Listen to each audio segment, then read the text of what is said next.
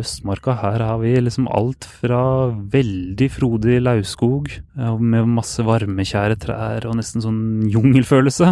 Og så kan man gå bare noen få hundre meter, så er man oppå en kolle hvor det er uh, svaberg og veldig skrinn furuskog og uh, steinur, og så er det småvann og storvann og småmyrer og stormyrer. Det er skikkelig variert, altså. Nå sitter vi her på eh, Skullerudstua og eh, skal ta en prat med Øystein Kolseth, som er eh, skogoppsynsleder. Som barn drømte Øystein om å bli skogvokter, og drømmen ble oppfylt allerede da han var i begynnelsen av 20-årene. Hva er en skogoppsynsleder, Øystein? Det er en sånn som meg, som driver med veldig mye forskjellige oppgaver i skogen. Vokte skogen. Skogvokter sier jeg ofte sjøl at jeg liksom jobber som. Og da passer jeg på at litt sånne lover og regler blir overholdt og sånn, og passer litt på dyra, passer på at ingen gjør noe ulovlig og sånt med dem. Så er det samtidig en eh, kjempeviktig del av jobben det å formidle skogen. Formidle om alle mulighetene man har der, og formidle dette til både tilfeldige man møter på i skogen og sånt, men også ha med en del skoleklasser ut på tur, eksempel. Det er altså en kjempegivende jobb. Og så er det en del sånne andre ting som kanskje er litt mer tilrettelegging for friluftsliv og sånt. da. Ja, Sørge for at folk bruker marka, rett og slett? Ja, det er jo rett og slett det. Ja. Men hva slags uh, type bakgrunn har du for å ha en sånn jobb? Du vet, Jeg er litt forskjellig, men eh, det jeg har brukt mest på de tid på i utdannelsestida mi, det er jo skogforvaltning. Så det visste du at dette her var det du skulle bli? Ja, det var det. Men hvordan visste du det? Nei, ikke sant. Det er Jeg hadde vel eh, Det må vel sikkert ganske langt tilbake i tid til barndommen min, tenker jeg nok. For eh, jeg begynte nok tidlig å virkelig, virkelig like skogen. Og fant ut at dette er noe jeg har lyst til å bruke mye tid på av, mye av livet mitt. Og da, da fant jeg ut etter hvert at det, eh, det, går faktisk an å jobbe i skogen. Og være med liksom å sette litt sånn preg på skogen, kanskje. Og det da jeg egentlig skjønte at skogvokter, det hørtes kult ut. Men hvordan ble den interessen for eh, skog og friluftsliv, hvordan ble den vekket? Hvor tidlig? Hvor ung var du? Det var tidlig, altså. Men eh, jeg var ikke noe sånn, jeg er ikke fra noen familie som er sånn kjempefriluftslivfamilie i det hele tatt, egentlig. Helt som vanlig norsk, eller hva jeg skal si. Jeg husker spesielt i eh, barnehagen. Nå har ikke jeg vokst opp i de første seks-sju leveåret, så de vokste opp ikke i Oslo, men på Vestlandet. Uh, der husker jeg at det var en særlig en barnehagelærer som var uh, utrolig flink på det til å formidle om uh, skogen og dyra og sånt, og da var vi ute og, på skogsturer, så, så var jeg jo helt i paradis. Elska å gå rundt og finne ut hvor det var blåbær, og hvor det var bringebær, og hva slags dyrebæsj dette var, og alt sånt. Syns jeg var skikkelig gøy. Ja, det, det, skjønner jeg jo, at dyrebæsj det fenger en som går i barnehagen. Ja. og kanskje også en god del som er litt eldre også. Men uh, da ble den interessen vekket. Men uh, hva betyr det? Altså, var du da som uh, fra barnehagealder av mye ute i skogen? Var du alene i skogen? Altså, var du Du sa jo familien din ikke nødvendigvis var sånn veldig friluftsmennesker? de ble nok tvunget litt ut av meg. litt. Nei, vi var, vi var, på noen turer, det er ikke det. Men det var også noe av den største gleden jeg hadde rundt den tiden. Det var liksom å komme hjem etter eh, barnehage eller eh, skoletid og så fortelle hva jeg hadde sett i skogen i dag og sånt. Mm. Og kanskje når helga nærma seg, så kunne jeg liksom mase om at kan vi ikke dra dit? Inntil den der uh, lavvoplassen vår, eller oppe ved den steinen oppe åsen som vi var med barnehagen her for litt siden. Det var rett og slett uh, kjempeinteressant. Det liksom virkelig likte å bare videreformidle da, det jeg har blitt lært. Og det er jo ganske fascinerende i en såpass uh, ung alder, da. Men uh, når var det du turte å overnatte i skogen alene første gang? da? Husker vi var på en sånn ferie en gang, på litt ned mot Sørlandet. Husker vi var en gruppe på tur, men de sov i hytte, og så spurte jeg om jeg kunne få lov til å sove i skogen aleine. Og det fikk jeg da lov til, da. Det var sikkert ikke så langt, altså det var sikkert bare sånn 200-300 meter, kanskje. Mm. Men likevel, da. Det var liksom sånn oppå en kåle og eh, liksom ingen andre mennesker eller noe særlig spor etter menneskelig aktivitet. Og, og hvor gammel var du da? Ja, det var nok ni år. Sommeren da jeg var ni år. Ni år? Ja. altså, jeg tør det ikke ennå. Nei. Men ok. Ja, det er imponerende. Men så ble jo da denne interessen vekt, eh, og du, som du nevnte i sted, du tok utdannelse. Mm. Hvor ung, eller hvor gammel var du når du ble skogvokter? Da var jeg var 21, var vel kanskje. 21 eller 22. Tidlig. Det er ganske tidlig. ja. og, og, da sa du du har ansvaret for å liksom passe på skogen. Ja. Og for meg da, som uinnvidd skogvokterperson, Det høres ganske svært ut. Det høres ut som en ganske stor oppgave. Du kan ikke bare traske rundt i skogen og hele tiden passe på at folk gjør det de skal. Det er store geografiske områder, det er én ting. Stor skog her i Oslo, altså. Men man prøver å ta det viktigste, og man får etter en, noen år erfaring, så får man liksom en følelse av hvor er det mest behov for å passe på ting. Hva, hvilke ting, og når i løpet av året er dette viktigst og sånn. Så blir det ganske greit dekka opp allikevel, egentlig. Og øh, hva vil du si er på en måte det beste med å være skogvokter i Oslo kommune? Oi, det beste, det er Altså, skal ikke nekte for at uh, utedagene er kjempefine.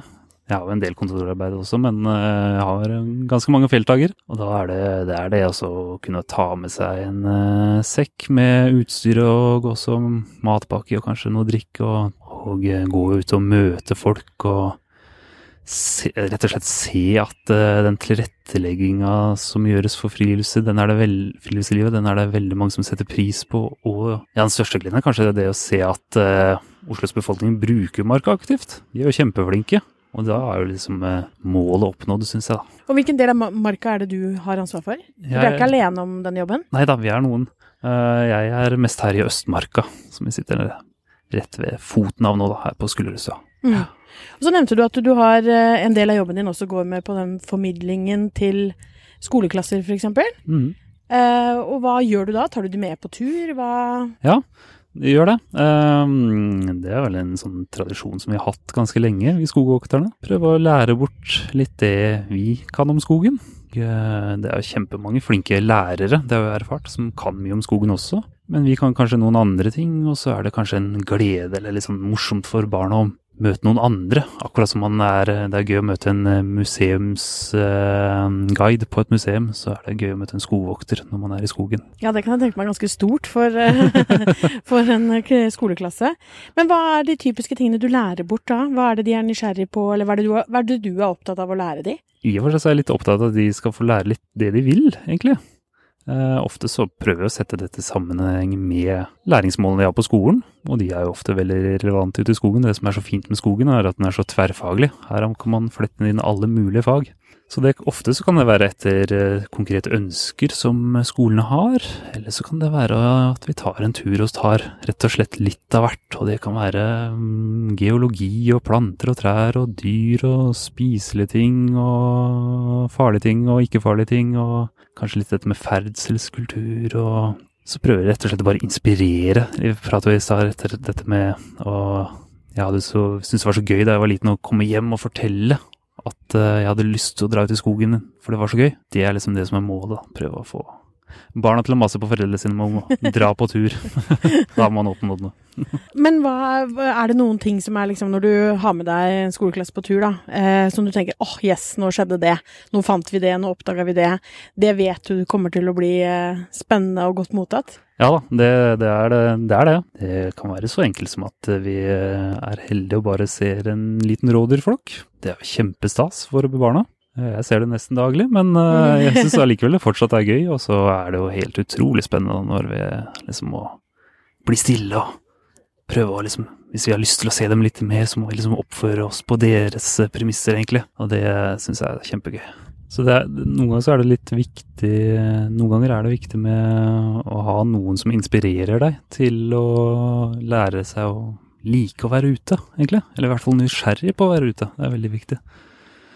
Og jeg har jo vokst opp mine første liv eh, på Vestlandet, men eh, vi flytta til Oslo etter hvert. Og da var jeg liksom allerede interessen min tent for å gå i skogen. Men eh, jeg møtte også på etter hvert rett og slett han som hadde jobben før meg, som da den gang var skog- og oppsynsmann. og det var sånn veldig møte jeg husker, liksom. Det der å prate med en, et menneske som hadde så mye kunnskap om det jeg selv var så nysgjerrig på, og det og som virkelig jobba og brant for skogen. Det var veldig inspirerende. Så det der å utforske nysgjerrigheten, det er jo kjempeviktig. da. Og det er litt sånn når man drar på tur med barn eller skoleklasser, så er det pirre litt til nysgjerrighet, rett og slett. Det, det, trenger liksom ikke å være så mye at man har fullpakka program at, å vise det ene og det andre og masse forskjellige ting. Bare noen sånne småting innimellom om eh, litt rare ting kanskje rett utafor eh, stien og sånt. Det er sånne småting som gjør at man blir nysgjerrig, og så får man heller etter hvert bare rett og slett utforske nysgjerrigheten sjøl og uh, gå på tur selv og liksom la, la nysgjerrigheten jobbe for deg, rett og slett. men, men uh, vil du si at uh, Altså, for du har jo hatt den jobben her noen år, og du har hatt noen klasser med deg på tur.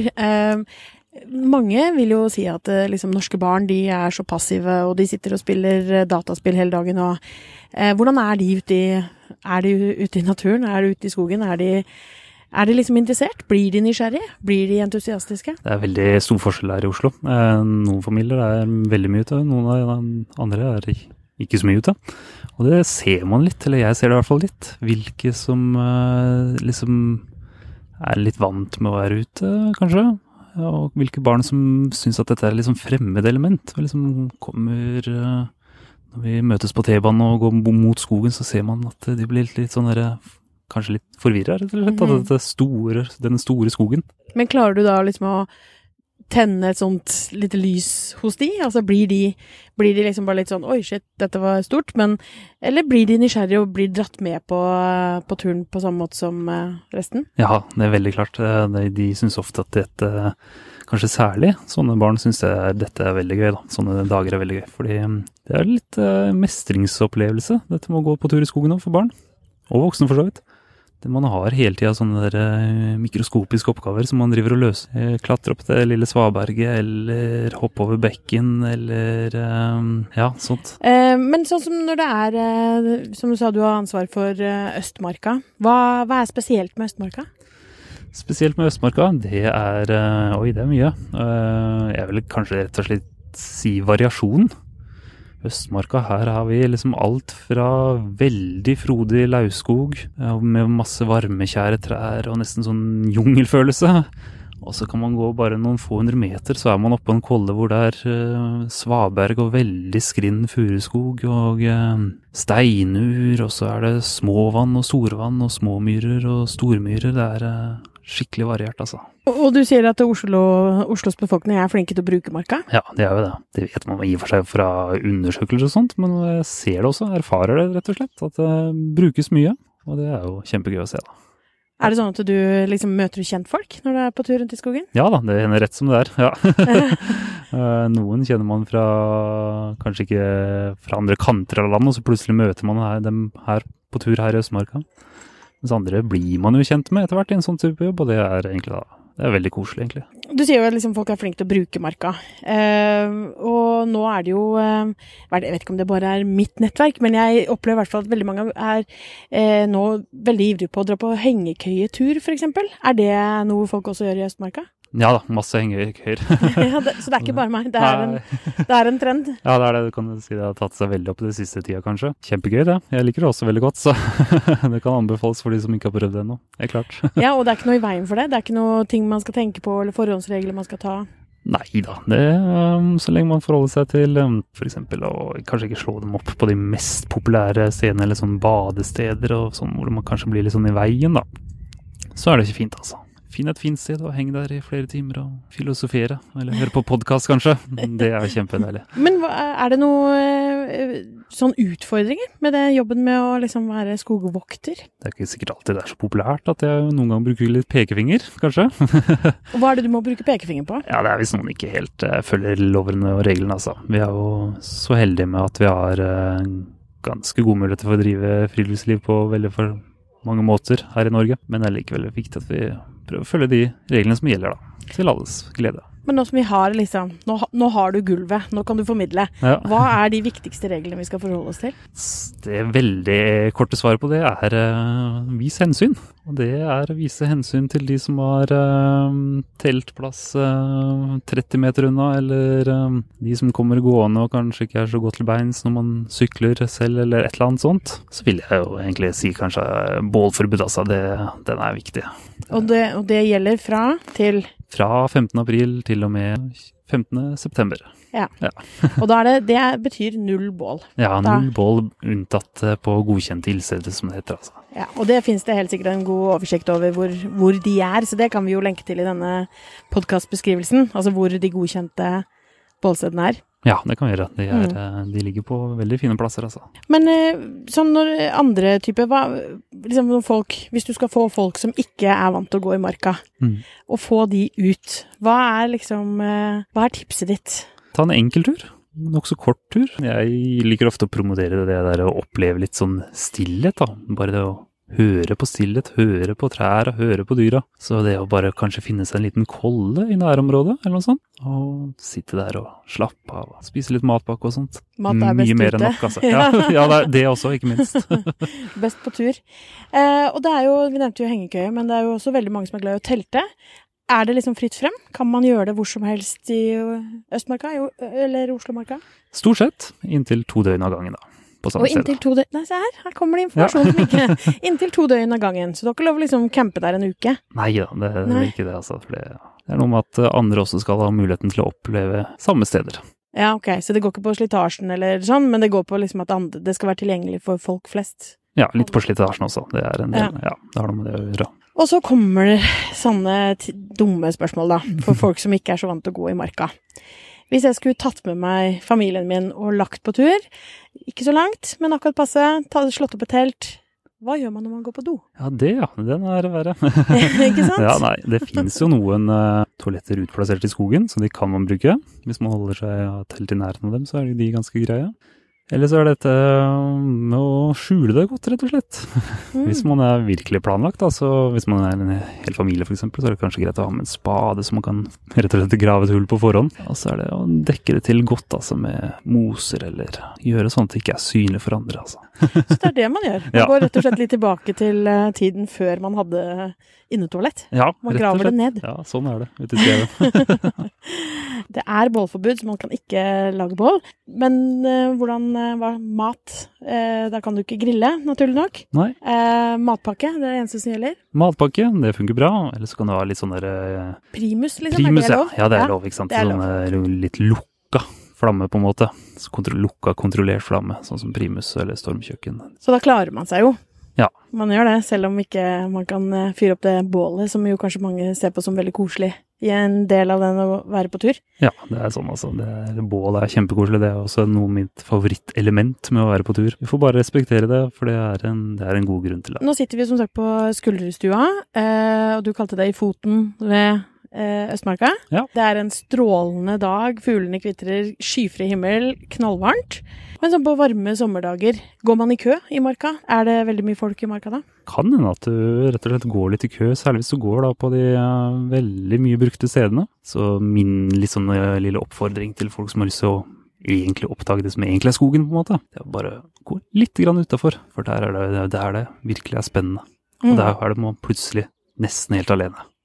Ja, og det er ikke sånn at uh, selv om det er en liksom, tursti eller en vei, uh, så betyr det at du ikke har lov å gå utenom. Det er ikke noe freda, eller det er ikke noe Du kan ikke gjøre noe gærent, eller? Nei da, nei, Nei. du har fri ferdsel i utmark. Det har Ja. du. Ja. Så det er bare å oppsøke, og noe av det morsomste jeg syns sjøl, det, det er å rett og slett bare rote litt rundt i terrenget. Ikke nødvendigvis uh, følge det merka stier og sånt, og bare finne ut av litt ting sjøl. Lage dine egne stier, du. Ja, det er litt sånn. Det er veldig spennende. Men eh, jeg ville kanskje tenkt at hvis det er sånn kokvarme Oslo-dager, eh, så trekker man kanskje til sjøen. Eh, hvordan er det i skogen når det liksom er varmt i lufta? Ja, jeg har litt det samme inntrykket som deg, egentlig. At folk trekker kanskje litt ned mot sjøen, fjorden. Øyene, kanskje, for eksempel. Eller strendene. Det er jo kjempefint, men det er jo like fint i skogen. og det som er litt sånn deilig, det er å gå skogen, er at det er litt sånn Her kan du få begge deler. Her kan du gå på åser hvor det er nesten ingen trær, og få kjenne litt på den steikende varmen hvis man vil det, og så kan man gå litt inn i skogen, og der er det svalt og deilig. Skogen har liksom alt. Det er det som er det fine med skogen. Og hvis du skal beskrive Østmarka da gjennom sesongene, for jeg antar at altså, du har jo en fulltids uh, helårsjobb, Ja. eh, og da kanskje med skoleklasser gjennom alle sesongene også. Jeg er veldig glad i vinteren selv, det er min favorittårstid. Så, Mm. så Hva, hva byr Østmarka på på vinteren? det er eh, et kjempeflott eh, løypenett hvor man kan gå på ski. Ikke alltid det er så kjempemye snø her, men når det er snø i Østmarka, så er de løypene som er her, de er utrolig morsomme, rett og slett. De er eh, litt sånn kulete, og så kommer man ned i dalsøkk og lange daldrag hvor man kan gå litt eh, fort og kanskje gå over vann og sånt. Så kan man dra på isfiske hvis man vil det. Man kan gjøre det i Østmarka? Ja da. Og sånn som her, hvor vi sitter i dag, på Skullerudstua, så er det jo masse muligheter til å drive med skileik. Her er det sånn veldig så stort område hvor det er eh, godt tilrettelagt og preparert. Veldig ålreit for f.eks. de som kanskje ikke har gått så mye på ski ennå, eller eh, barnefamilier og sånt. da. Så Østmarka har noe for alle Ja, ja. hele året gjennom. Utvilsomt. Men er det noen sånn type kulturminner og noen sånne ting i eh, Østmarka også? Det er det mye av, og eh, noen er jo veldig kjente, og hvor sikkert veldig mange Oslo-borgere har vært ved. Eh, så er det en del som ikke er kjente, og de er jo vel så spennende. Så det, noe av det jeg syns er kjempegøy, er å gå litt sånn på skattjakt i skogen. Finne spor fra tidligere tider og sånt. Det er skikkelig gøy. Men det, eh, la oss ta de som er veldig kjente først, da. Hva er det du kan finne i Østmarka? Ja, et sted veldig mange sikkert har vært, er Sarabråten. Det er jo et sånt eh, sted eh, Det er for så vidt en, det er en veldig ganske enkel tur, egentlig. Ikke så lang. Ikke så langt fra buss og T-bane og sånt. Der er det masse kulturhistorie, og det er noen ruiner som, og eh, stier og båtbrygger og Nei, det er kjempegøy. En skikkelig rik historie der, da, på Sarabråten. Er det noen andre som er av de liksom mer kjente som vi kan nevne? Ja, det er, kan f.eks. være en, en litt sånn eh, sjeldenhet, kanskje, som er ikke så langt herfra, som heter Milorghulen. Gutta på skauen, altså Milorg, eh, hadde utstyrslager og gjemte seg under andre verdenskrig. Det er ikke så langt herfra, men eh, selv om den ligger ganske gjemt i skogen, da, for de måtte jo gjemme seg, så er det nok en del som vet om den, og der er det ofte folk. Hvis man ikke har vært der, så er det definitivt et sted som anbefales. Og noen av dine skjulte perler, da? Har du lyst til å dele de med podkastlytterne her? Ja, Byr du på de? Ja, vi har jo en bygdeborg eksempel, ikke så langt herfra vi sitter nå, på Skullerudstua. Den er kjempefin. Den viser litt om hva slags samfunn man hadde i Norge under folkevandringstida, sånn rundt 500-tallet. Veldig spennende historie. Vi har eh, dyrefangstanlegg, altså feller, som er skikkelig gamle. De er veldig spennende. Forteller litt om en tid hvor det var mye mer strevsomt å skaffe mat, så det syns jeg er ganske interessant. Da har vi en del sånne steder hvor det kanskje knytter seg litt mer sånne myter til, f.eks. Gjettegryter og, og sånne steinformasjoner. Vi har noen bautasteiner her i Østmarka som er litt sånn mystiske og sånt. Gjettegryter, det, det navnet har jeg bare hørt. Hva er det for noe? Den kommer jeg på, for den har vi rett Nå sitter jeg nesten og ser på den borti åsen her fra her vi sitter nå. Og det er jo egentlig en sånn der eh, formasjon i terrenget hvor det er eh, Ja, etter isen det har vært en stein som rett og slett har begynt å grave også i, i berget. Og hele tiden fått masse vann spylt på seg, på en måte, sånn at en stein gikk rundt og liksom bora et slags hull i berget. Og veldig sånn mystisk da, så etter hvert så har jo denne steinen som bora, den har blitt slipt vekk den òg, så den ligger bare som en liten stein nederst i hullet der. Og der knytter det seg en forskjellige myter til at det kan være inngangen til de underjordiskes rike, eller kanskje et sted hvor trollet hadde en felle, og kanskje fanga barn og lagde gryter av dem og sånt. Eh, så Så de historiene forteller du når du tar med klasser rundt i skogen? ja, helt klart. Og det, dette med kulturminner og myter og sagn og sånt, det er en eh, ofte populært, ja. Mm. Ja. Men hva med sånn eh, både når du selvfølgelig tar med skoleklasser og sånn, men også for folk flest når vi trasker rundt i marka, eh, så har man jo hørt at det er mye man kan egentlig bare spise av det du finner rundt omkring, og så er det veldig mye du skal holde deg helt langt unna. Ja. Har du, har du noen sånne tips til det vi kan gjøre, og det vi ikke bør eh, spise? Det er litt etter årstidene. Sånn er det jo i naturen. Man må finne de rette tidspunktene for de ulike vekstene man kan spise. På sensommeren så er det jo bær, selvfølgelig. Det er jo bare å spise masse. Sunt og godt. Og gøy å plukke. Men utpå høsten eh, så er det kanskje en del som drar på sopptur. Og der er det jo mye, mye snadder. Men også noen farlige sopper. Det er jo det. Så det, der skal man være trygg på hvilken sopp man plukker, altså. Og det finner man eh, ut av, ikke sant? Man kan Hva slags sopp som er eh, farlig og ikke farlig, og hvor, Ja. hvor man Er det liksom en oversikt over liksom Her kan du gå på kantarelljakt, eller Nei, altså det som er litt med sopp, det er ikke, de kommer ikke nødvendigvis på de samme stedene hele tida. Men øhm, ofte så finner du den og den type soppen på sånne områder som ser omtrent sånn ut. mm. Det er jo sant. Um, så det finnes noen sånne generelle råd. Altså bøker, hvis man har lyst til å kjøpe seg en liten soppbok, så anbefales det. Det finnes en bra del, en god del nettartikler. Og er man i tvil, da, så bare lar man være å plukke det. Og eh, det man også kan gjøre, er å oppsøke såkalte soppkontroller. De finnes det en del av ute på høsten, da. Hvor det, hvor det rett og slett er eh, soppeksperter som Mm. kan eh, avgjøre for dem om den er eh, spiselig eller ikke. Det er jo et nyttig tips hvis du er usikker. For det første, ikke plukk. Og for det andre, hvis du vil ta det med deg, så kan du sjekke det en soppkontroll. Ja. Ja. Så har du en, til og med en soppkontroll-app. Nettopp. Den uh, anbefales. Vi lever tross alt i 2020. Ja, ja, ja. Og den funker bra. Ja. Hva med sånne altså røtter og ting som man ikke En ting er bær og sopp som man vet man kan plukke og spise. Mm. Er det noe ute i naturen som vi kanskje ikke ser selv at vi kan ha godt av å spise? Ja, du sier røtter. Altså, det finnes jo røtter man kan spise. F.eks. sisselrot er en sånn rødt. Altså ikke at man får så mye mat av det, men eh, det er litt sånn artig å smake på. Det er litt sånn eh, Hva smaker det, da? Nei, det smaker litt lakris, egentlig. Jeg er veldig stor lakrisfan, så Så man kan bytte ut lørdagsgodtet sitt med litt sisseltrot? Ja, den er ikke så søt, da, men eh, Nei, det kan man gjøre. Og så er det litt sånn Jeg Husker jo eh, da jeg var liten og gikk i barnehage, så var det en, eh, en som viste meg dette at man kan spise gaukesyre, eksempel, og det er liksom som ligner på firkløver, eller trekløver. Litt sånn syrlig, søt smak. Eh, Det er sånn morsomt å smake på. Da. Så hvis man vel virkelig har lyst til å sanke, så kan man jo prøve diverse urter og lage både supper og saft og vin, for den saks skyld, når man kommer hjem. Ja. Syltetøy, ja. By på det meste, denne Østmarka, med andre ord. ja, ja. ja. Her er alt. Men er det er Østmarka for alle? Er det liksom tilrettelagt for at uh, hvem som helst skal kunne gå på tur der, eller skal du ha, kunne ditt uh, fjellutstyr, holdt jeg på å si, ditt uh, turutstyr, eh, og være klar for en ordentlig tur hvis du går ut i Østmarka? Ja, nei, altså det her har, det som er så fint her, er at man har eh, litt av alt. Man har eh, nærområdene som ofte er ganske mye tilrettelagt, med stier, veier, eh, litt sånn oppholdsområder, badeplasser, toaletter osv. Samtidig så er det en del områder i Østmarka som er lite brukt, altså, og som virkelig fortsatt har litt av den ville følelsen.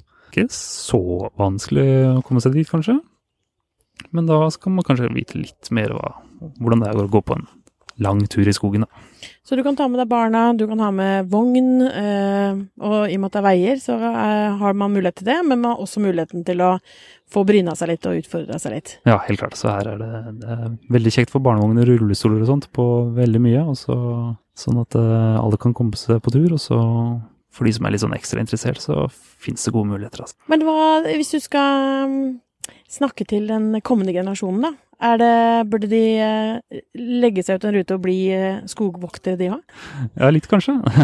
Nei, altså Det som er så fint med skogen, um, den eh, kan jo brukes til eh, alt, egentlig. Altså, det er jo en verdens største lekeplass. Og det er eh, også som, det er litt sånn spiskammer hvis man er interessert i å prøve å spise ting og sånt. Og man kan få utløp for glede, eller kanskje er det fint å ha skogen og vite om skogen når man f.eks. har lyst til å slappe av, eller kanskje til og med f.eks. takle sorg. Det der ekstra rommet som skogen kan være i livet til folk. Det er viktig at folk Jeg kan tenke meg at den kommende generasjon kanskje har veldig god nytte av å vite om skogen, bruke den, og også være litt, kanskje litt skogvoktere, som de sier. Passe på den også, sånn at den forblir et like fint sted for neste generasjon etter der igjen. Mm. Så hvis vi skal avslutte da med, med noen sånn råd til eh, alle oss, altså folk flest som skal på tur i skogen, hva er det viktigste vi må huske på når vi skal bruke marka? Kommer veldig langt med å vise hensyn til andre. Hensyn til andre mennesker og dyr og sånt. Sporløs ferdsel, det er et sånt eh, nøkkelord.